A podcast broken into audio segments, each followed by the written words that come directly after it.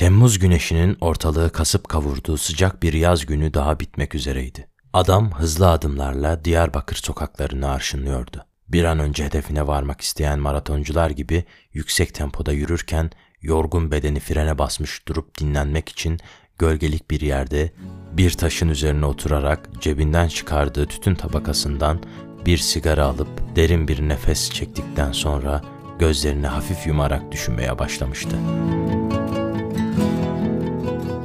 Merhabalar. Yoldaki fikirlere hoş geldiniz. Ben Ahmet Polat.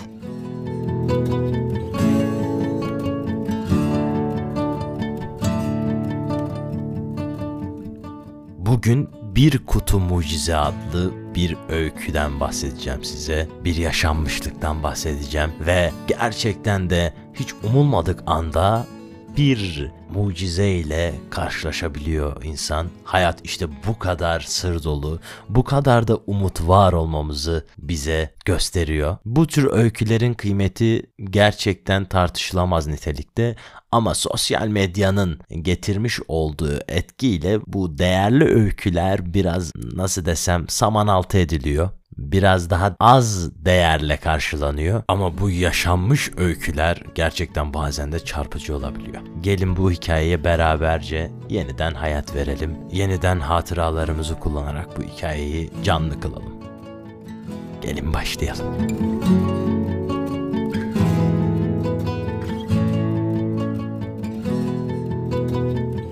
Neden acele ettiğini kendi bile bilmiyordu. Oysa gün boyu güneşin altında inşaatta sırtında çimento tuğla taşımış, omuzları yara bere içindeydi.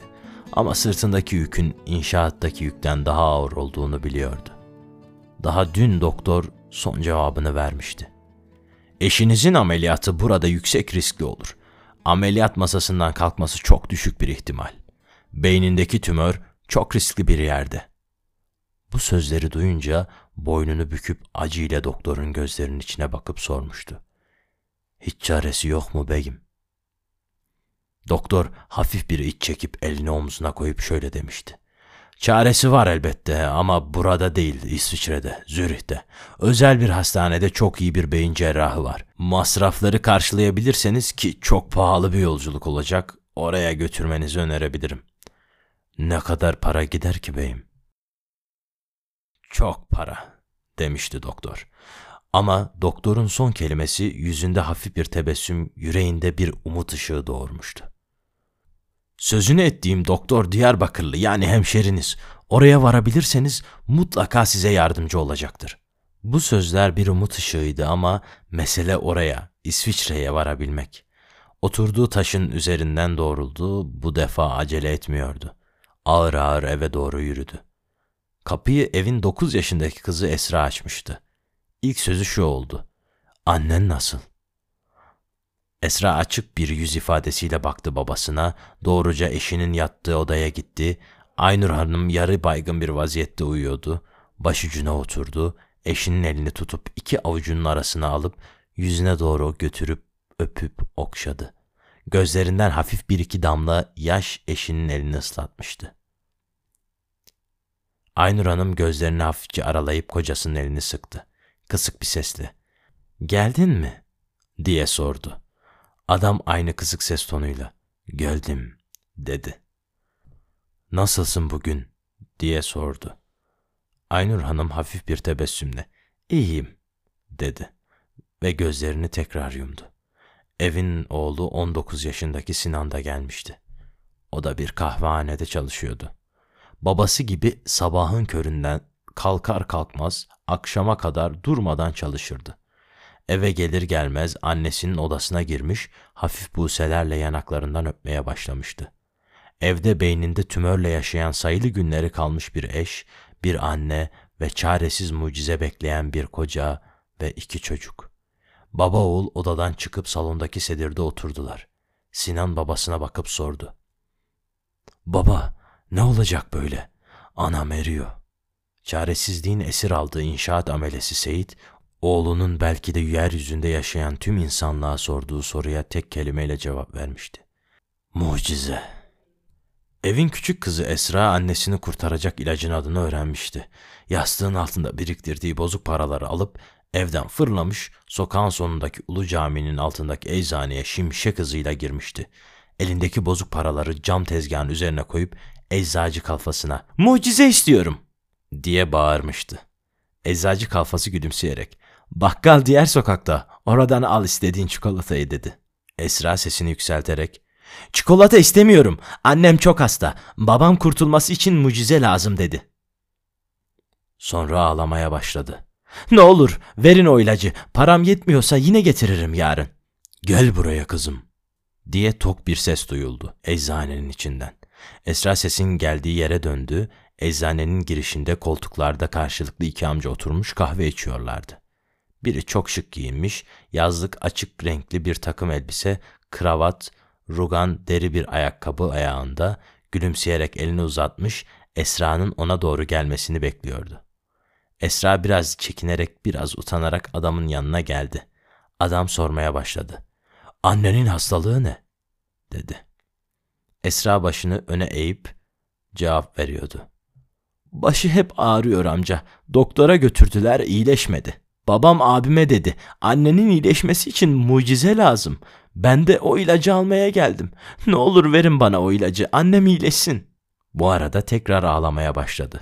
Şık giyimli amca elinin tersiyle Esma'nın gözyaşını silerek ayağa kalktı. Eviniz nerede? diye sordu. Arka sokakta, dedi Esma. Ben de doktorum. Kızım anneni görebilir miyim? Esma'nın gözleri parlamıştı. Gidelim doktor amca ama o ilacı verin. Doktor amcası eczacı kalfasına seslendi. Bir kutu aspirin ver. Esma sımsıkı tuttuğu bir kutu aspirin önde, doktor amcası arkada eve doğru yürüdüler. Esma'nın aniden evden çıkmasını merak eden babası ve abisi kapının önüne çıkmışlardı. Esma onları görünce koşarak bağırmaya başladı. Elindeki aspirin kutusunu sallayarak ''Aldım annemin ilacını hem de doktor amca getirdim anneme bakacak.'' Amele Seyit, kahveci Sinan, iki garip, iki çaresiz, iki umutsuz ve Esma ve bir kutu aspirin. Seyit ve Sinan gelenin doktor olduğunu duyunca ayağa kalkmış, doktora doğru ellerini uzatarak tokalaşıp hoş geldiniz diyerek içeri davet etmişlerdi. İçeri girdiklerinde doktor hastayı sordu. Doğruca Aynur Hanım'ın odasına girdiler, hasta uyuyordu. Sinan annesine seslendi. Doktor, bırak uyusun, dedi. Röntgen filmlerini, hastane tetkiklerini istedi. Esma bir çırpıda kocaman sarı zarfı getirip doktor amcasına uzattı. Doktor önce tetkiklere göz attı, sonra siyah röntgen filmleri ışığa tutup teker teker defalarca baktı. Odada çıt çıkmıyordu. Hane halkı meraklı bakışlarla elleri önlerinde iki pençe pür dikkat doktorun her hareketini izliyordu. Doktor ellerindeki filmlere tekrar Esma'ya uzattı ve babaya dönerek dışarı çıkalım dedi. Salona geçip Sedir'e buyur ettiler doktoru. Doktor anlatmaya başladı. Buradaki meslektaşlarım doğru söylemişler. Tümör çok riskli bir yerde. Zor bir ameliyat olacak. Yurt dışına İsviçre'ye gitmeniz lazım. Baba Seyit bir kez daha yıkılmıştı. Onu biliyordu. Biliyordu da nasıl gidecekti yurt dışına, hangi parayla? Biliyorum beyim, dedi doktora. Biliyorum da imkanımız yok. Ben amelelik yapıyorum beyim. Dediğin yerde bir doktor varmış, bizim hemşehrimiz. Çok iyi bir doktor, ona ulaşabilirsek ama nerede? İmkansız. Doktor Sinan'ın getirdiği çayı alırken sordu.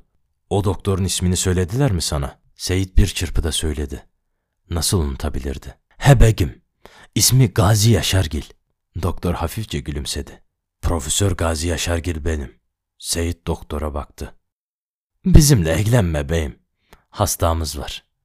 Doktor çayını karıştırırken devam etti. Evet Gazi Hoca benim. Bir konferans için Ankara'ya geldim. Hazır ülkeme gelmişken memleketim Diyarbakır'a uğramamak, dostlarımı görmeden gitmek olmazdı. Caminin yanındaki eczanenin sahibi benim iyi bir dostumdu. Vefat etmiş, oğluna başsağlığı dilemeye geldim. Sonrası malum. Esra kızım geldi, mucize arıyordu ve buldu. Şimdi ben hastayı seninle beraber götüreceğim ve ameliyatını bizzat ben yapacağım. Bir kuruşta masrafınız gitmeyecek. Birkaç gün daha buradayım. Siz pasaport işini halledin, gerisi bana kalsın. Seyit ve Sinan lal olmuş, Esra'nın elindeki aspirin kutusunun aslında mucize ilaç olduğunu anlamış, ikisi de aynı anda Gazi Hoca'nın elini öpmek için hamle yapmıştı. Gazi Hoca, estağfurullah deyip ayağa kalkmıştı. Aynur Hanım başarılı bir ameliyatla sağlığına kavuşmuş, sağ salim evine dönmüştü. Bunun adı mucizeydi. Profesör Doktor Gazi Yaşargil'in anılarından. İşte hayat böyle mucizelerle dolu. Ara ara hatırlamak gerekiyor ki umutlu olalım.